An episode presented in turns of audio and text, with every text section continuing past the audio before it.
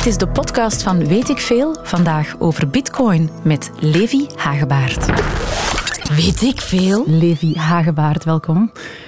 Bedankt Anira voor de uitnodiging. Goedemiddag. Goedemiddag. Ja, je bent schrijver van het boek Bitcoin voor beginners en je noemt jezelf dus een echte Bitcoin-believer. Geef mij eens drie redenen, kort, waarom ik ook dringend bitcoins moet gaan gebruiken. Eén, ehm, bitcoins zijn schaars. Er zijn er slechts 21 miljoen. En dat is heel interessant. Twee, het is een, uh, een, uh, een, uh, hoe zou ik het zeggen, een technologie die razendsnel evolueert. En het is heel interessant om die te volgen.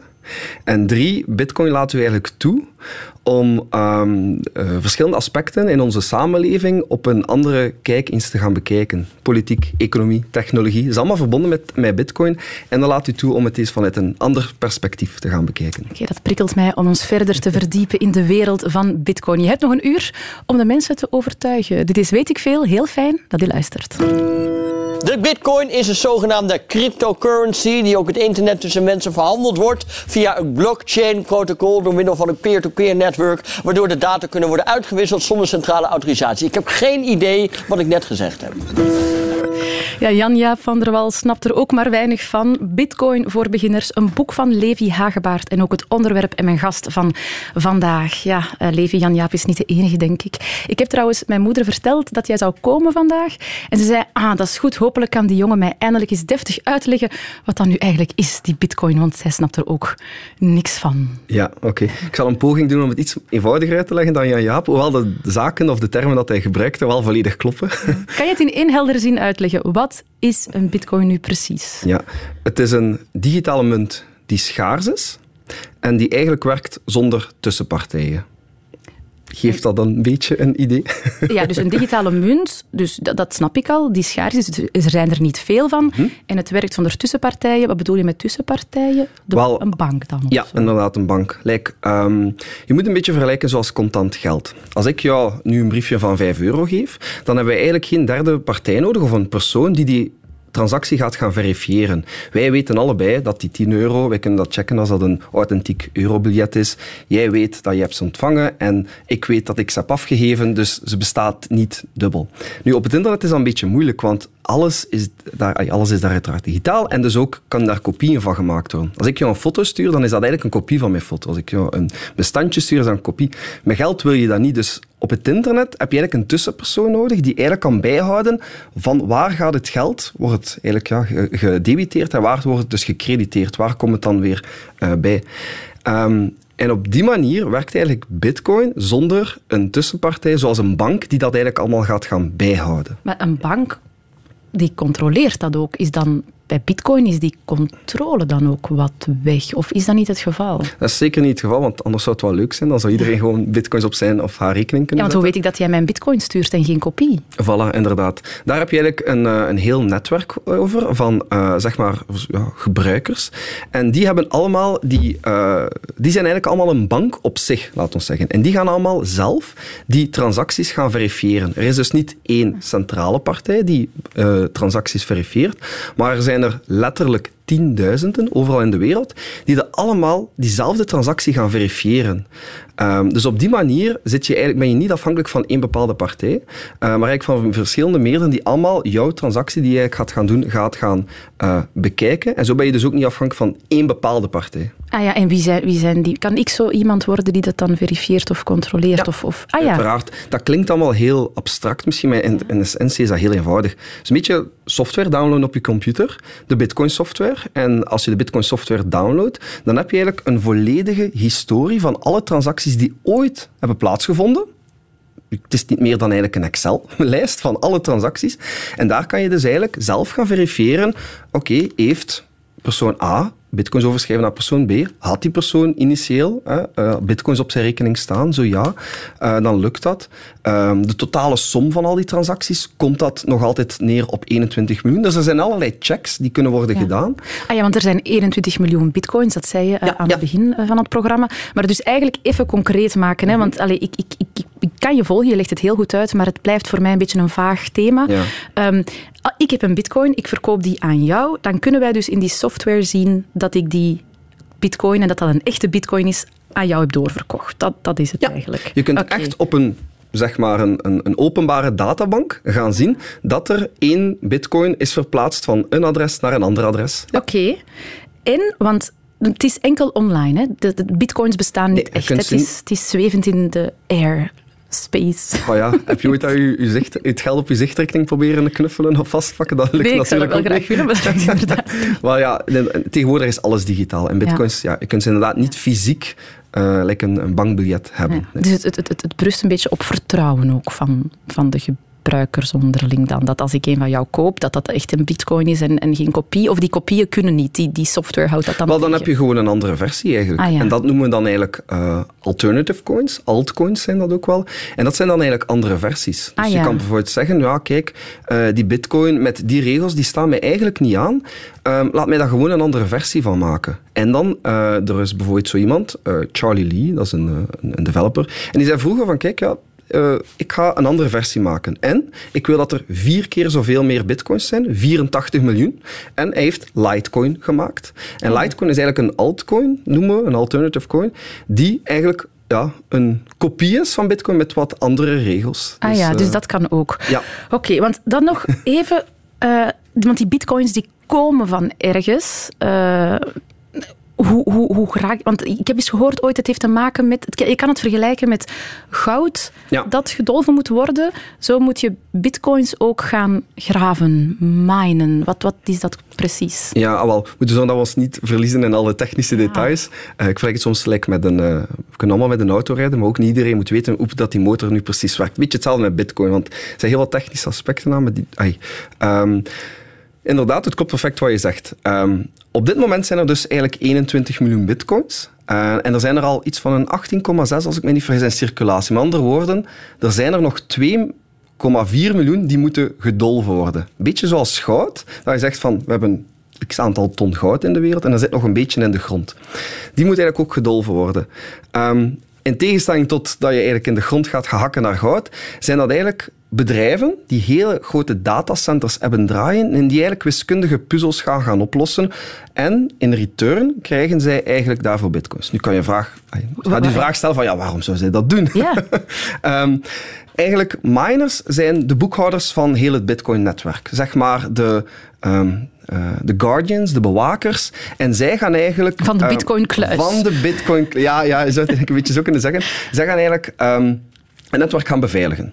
De miners zorgen ervoor dat bijvoorbeeld transacties die gebeuren niet kunnen teruggedraaid worden. Als ik jou een, bitcoin stuur en uh, uh, je hebt die ontvangen en dan zeg ik plots, ja, maar ik wil die transactie toch niet doen, ik heb mijn goederen gekregen, maar ik wil mijn geld ook terug, dan zouden we die transactie voor je kunnen terugdraaien. Miners gaan ervoor zorgen van, kijk, nee, zij gaan dat bewaken en zij gaan zorgen dat dat zomaar niet kan teruggedraaid worden. Ah, dus die miners hebben een heel, heel belangrijke functie in het bitcoin-netwerk, zodat bitcoin niet gehackt kan worden of aangevallen worden. En um, Bitcoin bestaat nu 12 jaar. Dus, uh, uh, en in die tijd is het nog nooit gehackt geweest eigenlijk. Wat toch wel... Dus het is een goed beschermd systeem. Wel, zeker als je weet dat ondertussen alle bitcoins samen nu 500 miljard waard zijn, is het toch niet niets. Dus. Radio 1. Weet ik veel? Vandaag een voor mij toch heel moeilijk onderwerp. Bitcoin met Bitcoin-believer Levi Hagewaard. Levi, even terug naar het begin. De geboorte van de Bitcoin. Wanneer en wie is zijn moeder of vader? ah, wel. Um, Bitcoin is eigenlijk gelanceerd geweest door een, een white paper. Dat is eigenlijk een, um, een, uh, zeg maar een, uh, een, een, document van negen bladzijden waarin eigenlijk heel Bitcoin staat uitgeschreven, zowel vanuit een economisch standpunt, van waarom, wat zijn de motieven, als een technisch standpunt. Dat is online gezwierd op een uh, forum en een, wat mailinglist. in oktober 2008 was dat. Um, mensen zijn beginnen oppikken, heel veel kritiek opgekomen natuurlijk. En dan een paar maanden later, begin januari 2009, heeft uh, diezelfde persoon die die whitepaper online had gezet, ook de software daarvoor mee online gezet. En kijk, gezegd van kijk, dit is een voorstel, dit is een initieel idee. Ehm, iedereen die wil mag hieraan meewerken. Ehm, en dit is eigenlijk het, het doel, uh, of dit is eigenlijk de oplossing voor het uh, huidige financiële systeem. Bij sommige mensen sloeg dat aan, bij andere mensen uiteraard niet. Het, het was dus eigenlijk uh, een, een voorstel tot het gebruik van een nieuw betaalmiddel. Betaalmiddel is eigenlijk al een volgende stap. Laat ons zeggen dat het eerder een, um, een alternatief is voor het huidige financiële systeem, laten we zeggen. Zijnde voor bijvoorbeeld, laten we zeggen, uh, je geld op je, spaarrekening die je bijvoorbeeld hebt staan. Wel, we weten allemaal, de banken rekenen binnenkort gaan ze negatief interest aanrekenen. En we zitten ook allemaal de inflatie, daling van onze koopkracht, de prijzen in de winkels worden duurder.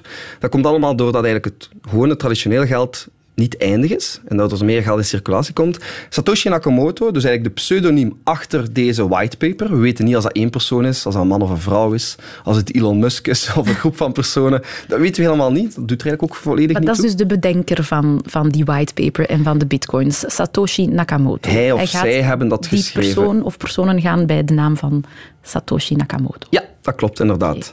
En die is dus op een dag opgestaan en die dacht, ik ga een nieuwe munt eenheid uitvinden en ik ga daar moeilijke wiskundige codes voor verzinnen en dan moeten mensen die gaan uitgraven en de wereld is daarin meegegaan.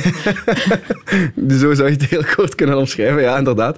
Um, het, het, is natuurlijk niet zomaar ontstaan uit een vacuüm. Um, er waren al heel veel voorstellen gebeurd, begin jaren negentig, um, door eigenlijk een groep dat we noemen cyberpunks, die eigenlijk zeiden van kijk, sinds het internet, het enige dat we nog ontbreken is eigenlijk een digitale munt die ook leeft op het internet. Er zijn daar heel wat voorstellen voor gedaan, maar niets is eigenlijk succesvol uitgegroeid. En wat Satoshi Nakamoto eigenlijk heeft gedaan, is die verschillende voorstellen die al bestonden, samengepuzzeld en eigenlijk gezegd van kijk, dit is bitcoin. Uh, want de innovaties die gebruikt worden, zijn niet volledig nieuw. Die bestonden eigenlijk al uh, voordien. Nu, die technologie is volledig open. Dat was, die heeft de software online gezet. Iedereen kon dat downloaden, iedereen kon die code inkijken. Dat heeft geen geheimen. En dus mensen zijn daar ook dingen beginnen aanpassen, voorstellen gaan doen van kijk, misschien moeten we die bepaalde functie op die manier oplossen of dat bepaald zo.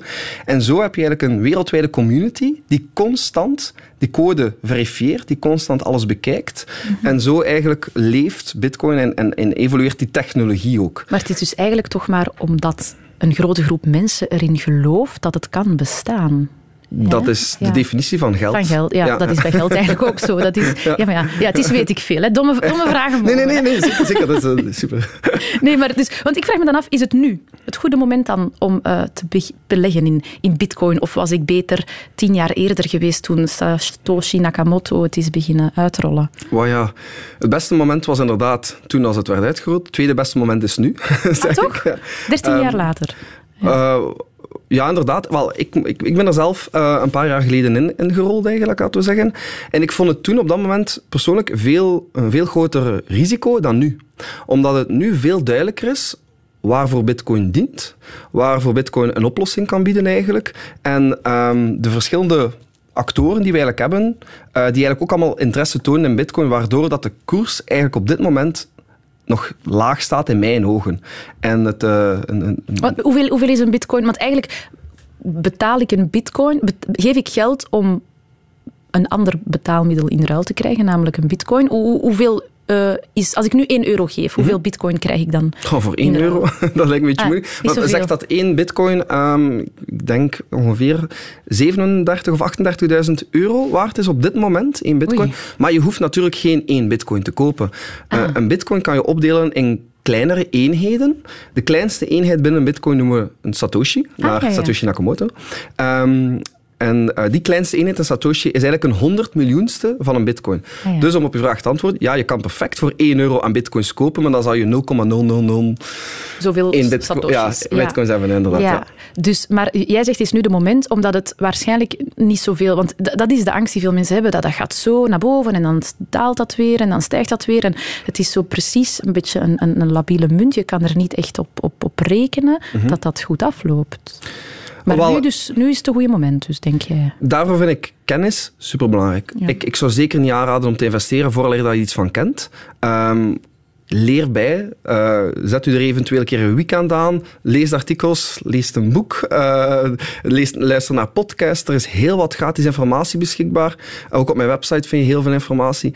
En um, dan kan je eigenlijk, uh, dan kan je zelf voor, u, voor jezelf de conclusie of de, of de beslissing gaan maken als het al dan niet iets voor u is. Ja. Want het ding is, als je nu eenmaal um, niet weet wat je hebt gekocht en de prijs daalt, dan ga je eigenlijk met je gevoel gaan handelen. Een beetje uh, schrik krijgen, emotioneel, en dan kan je eigenlijk wel op het verkeerde moment gaan uh, verkopen. Dus net zoals elke investering moet je je onderzoek of doen. elke belegging, ja. Want, want de, de, de waarde van een bitcoin, dat schommelt zo... De, de, hoe wordt dat gecontroleerd? Wie, wie, is dat echt om vraag en aanbod ook dat gewoon? Dat is puur 100% vraag en aanbod, inderdaad. Ja. Uh, net zoals dat je een aandeel hebt, net zoals dat de goudprijs wordt gedaan, heb je inderdaad mensen elk, op elk moment van de dag kopers en verkopers.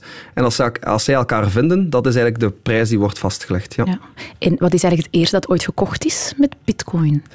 Goh, um, er zijn verschillende verhalen rond. Maar het meest bekende verhaal is eigenlijk uh, 10.000 bitcoins die werden betaald voor twee pizza's en een flesje cola.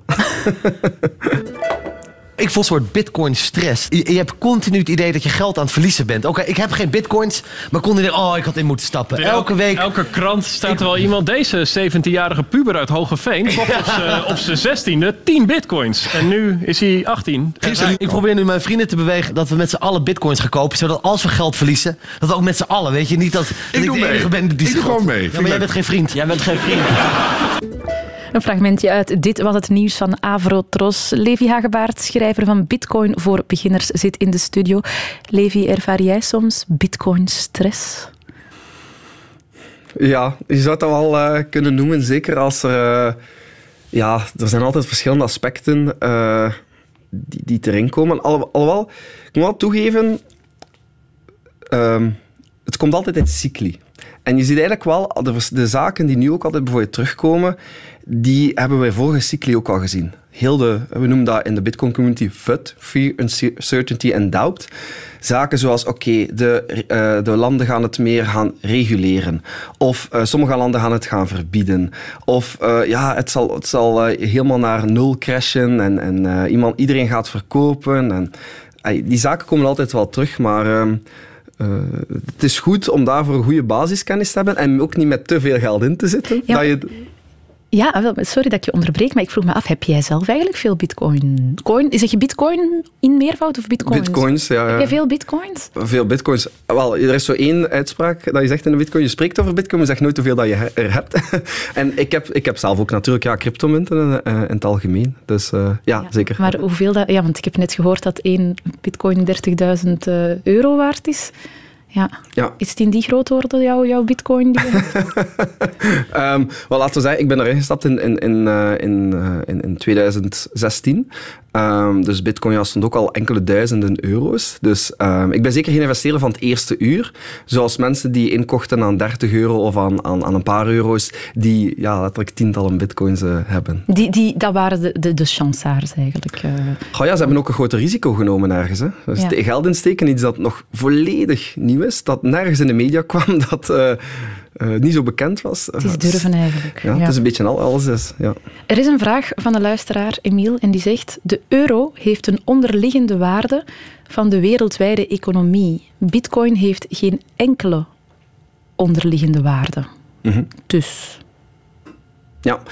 Um, want, want ja, geld, euro's en zo, dat is gebaseerd op goud, hoeveelheid goud dat er is, of dat was vroeger toch. Hier is, is het zoiets ontastbaars, precies. Ja, wel, het, het, goud dat in de kluis ligt, dat is natuurlijk een fabeltje. Um, in, uh, ah ja, om even een, getal, een uh, jaartal, in 1971 heeft president Nixon eigenlijk de goudstandaard afgeschaft. En sindsdien is eigenlijk ons geld niet meer gekoppeld aan uh, het goud die in de kluis ligt van centrale banken. Dus die twee uh, uh, leven eigenlijk compleet los van elkaar.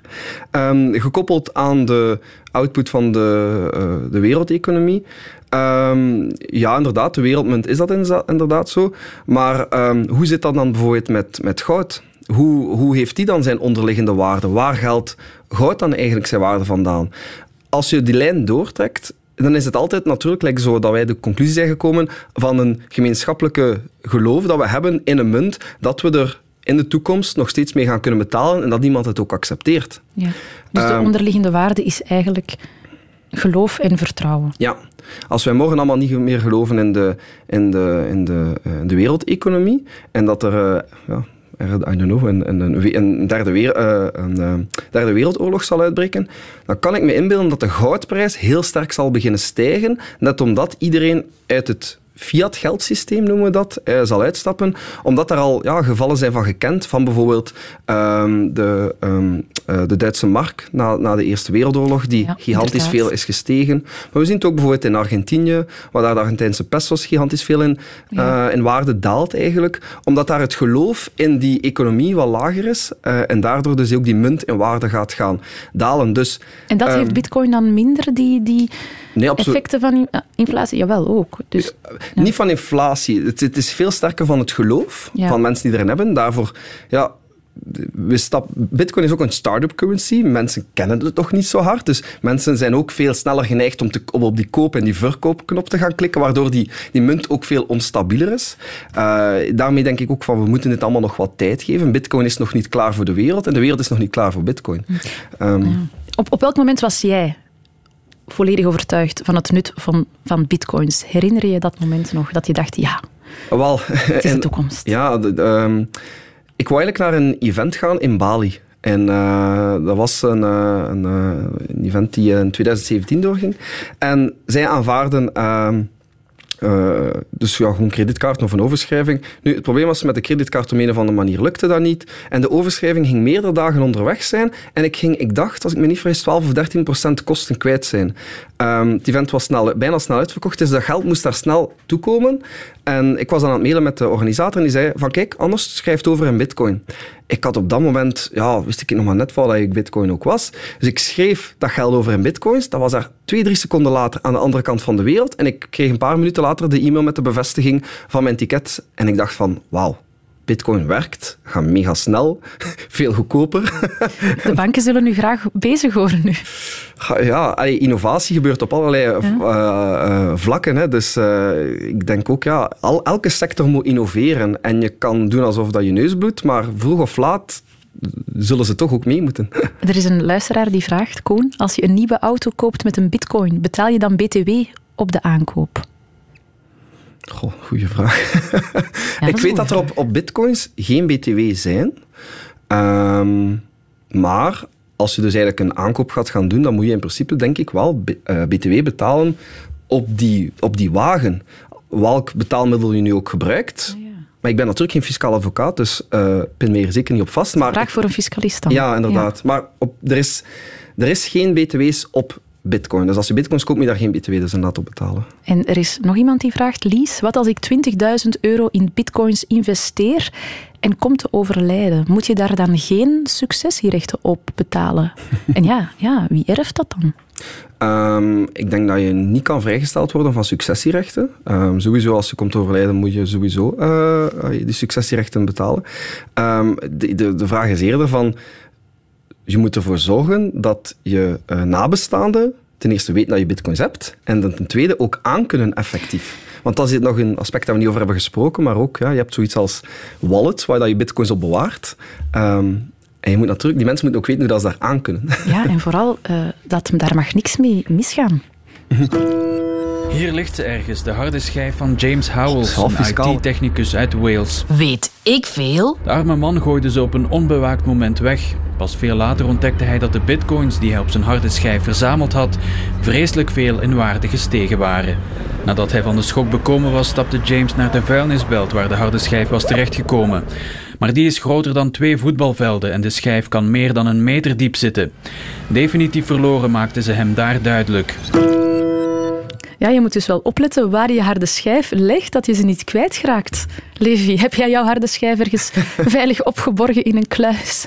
Als ik me dit verhaal goed herinner, hebben ze effectief een hele zoekopdracht inderdaad gedaan om dat te gaan, uh, gaan opzoeken. Maar ze hebben het nooit gevonden. Um, ja, dat is natuurlijk in, in het verleden, ja, bitcoins hadden geen waarde. Dat was misschien uh, 10.000 bitcoins. Dat zou wel heel lang geleden zijn, maar stel je nu, ze hadden 1 euro waarde of zelfs minder. Mensen hechten daar niet echt zo ja, veel belang aan. Um, Ondertussen is dat heel veel geëvolueerd en zijn er heel veel backup mogelijkheden en is het wel een stuk veiliger allemaal geworden. En, en gaat de community ook mensen die nieuw zijn eigenlijk in de Bitcoin-wereld veel beter gaan begeleiden ook met dit allemaal. Um, maar er zijn dus heel wat verschillende opties om dit type van voorvallen te voorkomen. En wat, wat is jouw optie? Wat doe jij om ze te beschermen? Wel, je hebt zoiets als een, een hardware wallet. En dat is eigenlijk, dus eigenlijk, je kan dat niet meer vergelijken dan een USB-stick. En daar staan eigenlijk je sleutels op, uh, net zoals die harde schijf. Nu, Ehm, met dat verschil kan je dus ook backups gaan nemen, zoals uh, die sleutels waar ik daar net over spreek. Dat zijn geen fysieke sleutels, maar dat zijn digitale sleutels. En die kun je eigenlijk op een bladje papier gaan schrijven. En die kan je dan eigenlijk gaan plastificeren, in een thermosfles steken, dat als je huis afbrandt, dat je er ook niet... Je kan, die op, je kan daar kopies van nemen, op verschillende plaatsen leggen.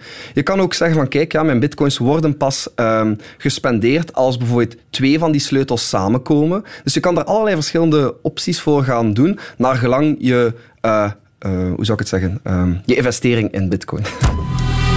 Radio 1. Weet ik veel? Ja, Bitcoin-believer Levi Hagewaard zit hier. Ja, Levi, um, jij bent zelf een believer. Uh, je, je, je, hebt er een boek over geschreven, Bitcoin voor beginners, maar je gelooft er ook in. Ben je eigenlijk wel objectief genoeg om over Bitcoin te praten? Dat is een goede vraag die ik mezelf soms ook eh, afvraag. En, en ik probeer me daar ook even toe, een keer op te pitchen van... Um, is dat nog zo? Um, wat ik daarvoor probeer te doen, is, is mensen te volgen op, op Twitter bijvoorbeeld, die tegen bitcoin zijn en ook hun argumenten uh, te gaan uh, naar luisteren op podcasts of artikels. Um, je hebt bijvoorbeeld een, bekend persoon, Pieter Schiff, die heel bekende goudinvesteerder, nogal tegen bitcoin. En ik vind het ook belangrijk om, om, om naar die, zijn meningen uh, te luisteren. Of bijvoorbeeld hoe dat centrale banken er tegenover staan. Dus ik probeer die meningen wel ook uh, altijd steeds mee op te nemen en van hun perspectief zo dingen te bekijken.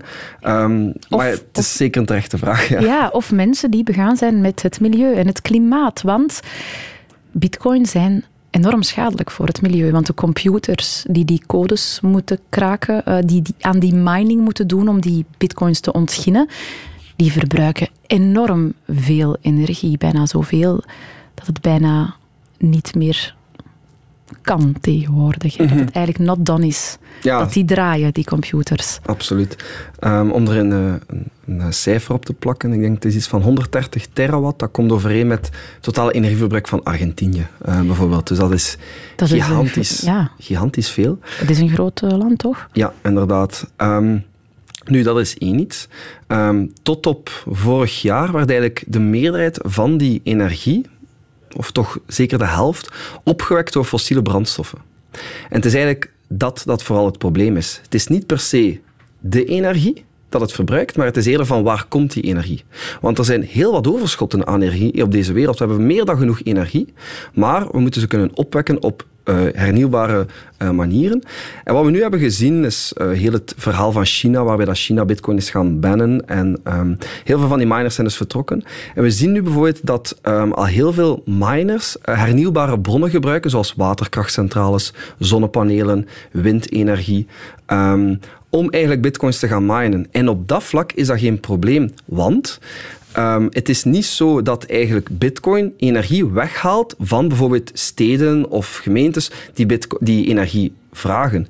Het is namelijk zo dat die miners zich gaan lokaliseren op plaatsen waar dat er een overaanbod is. Dus, met andere woorden, als die miners daar niet zouden staan, dan zouden die energieproducenten hun energie niet kwijtraken, want er is zoveel vraag niet daar lokaal. Ja, maar het feit blijft wel dat die enorm veel verbruiken.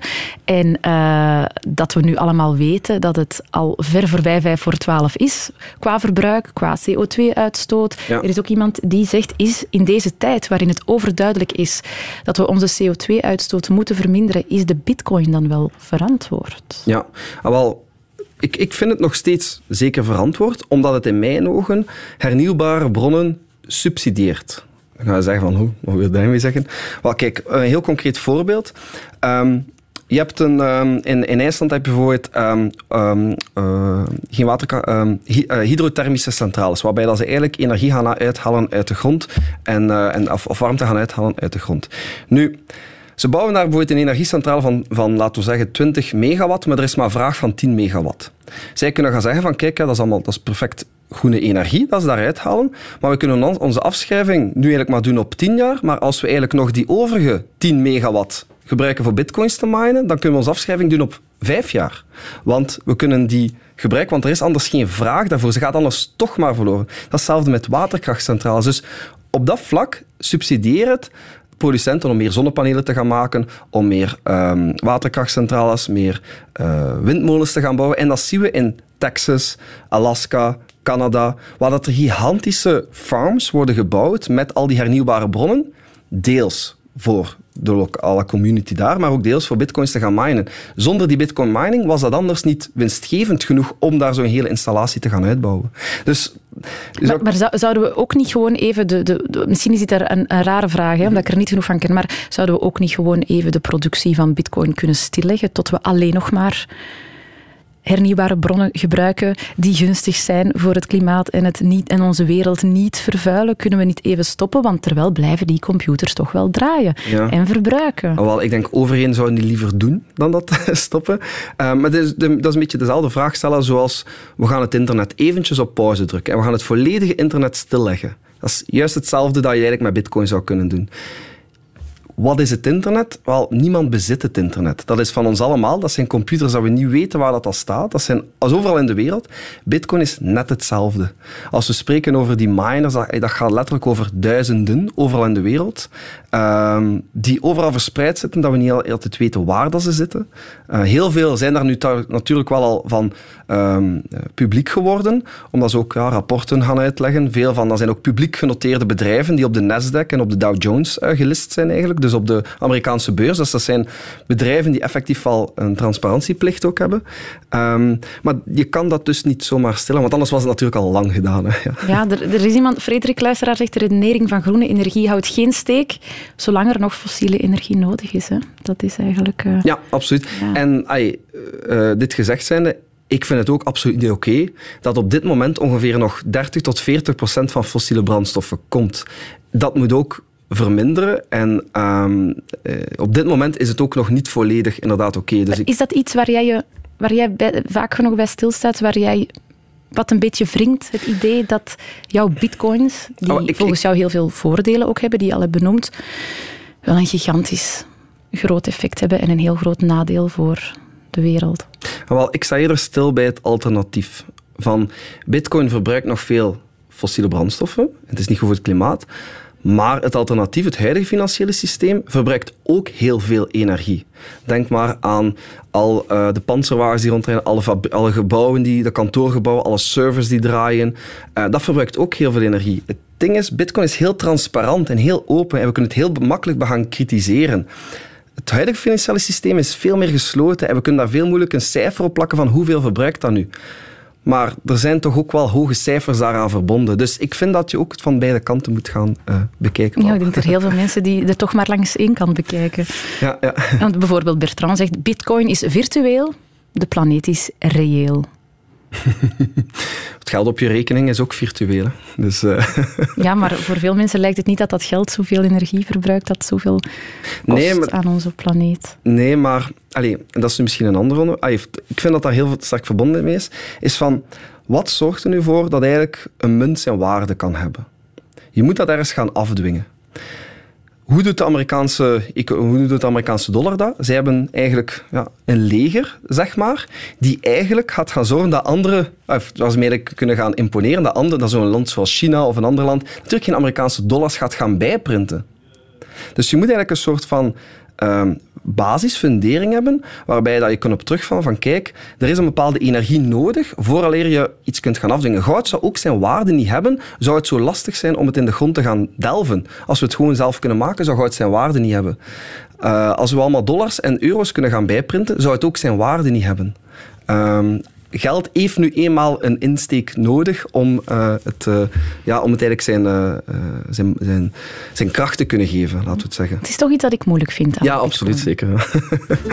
Bitcoins zijn alleen gecreëerd om de centrale banken te omzeilen, om de belastingen te bedotten. En bitcoins is voor losers. Voor losers? Is voor losers. Want heel die zeebel die nu altijd maar meer en meer opgeblazen wordt, die zeebel die is gedoemd om te ontploffen.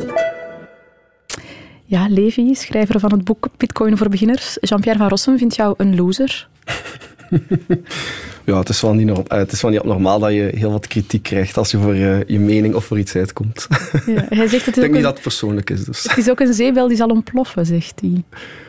Ja, inderdaad. Ja. Dat zeggen ze natuurlijk al jaren. Hè, dat en als er iemand iets kent van zeebellen die kunnen ontploffen, is Ah, het wel, wel... Ik ging net zeggen, hij heeft ook wel al een heel track record hè, achter hem. Dus, eh, Maar eh, ja, inderdaad. eh, het, het kan...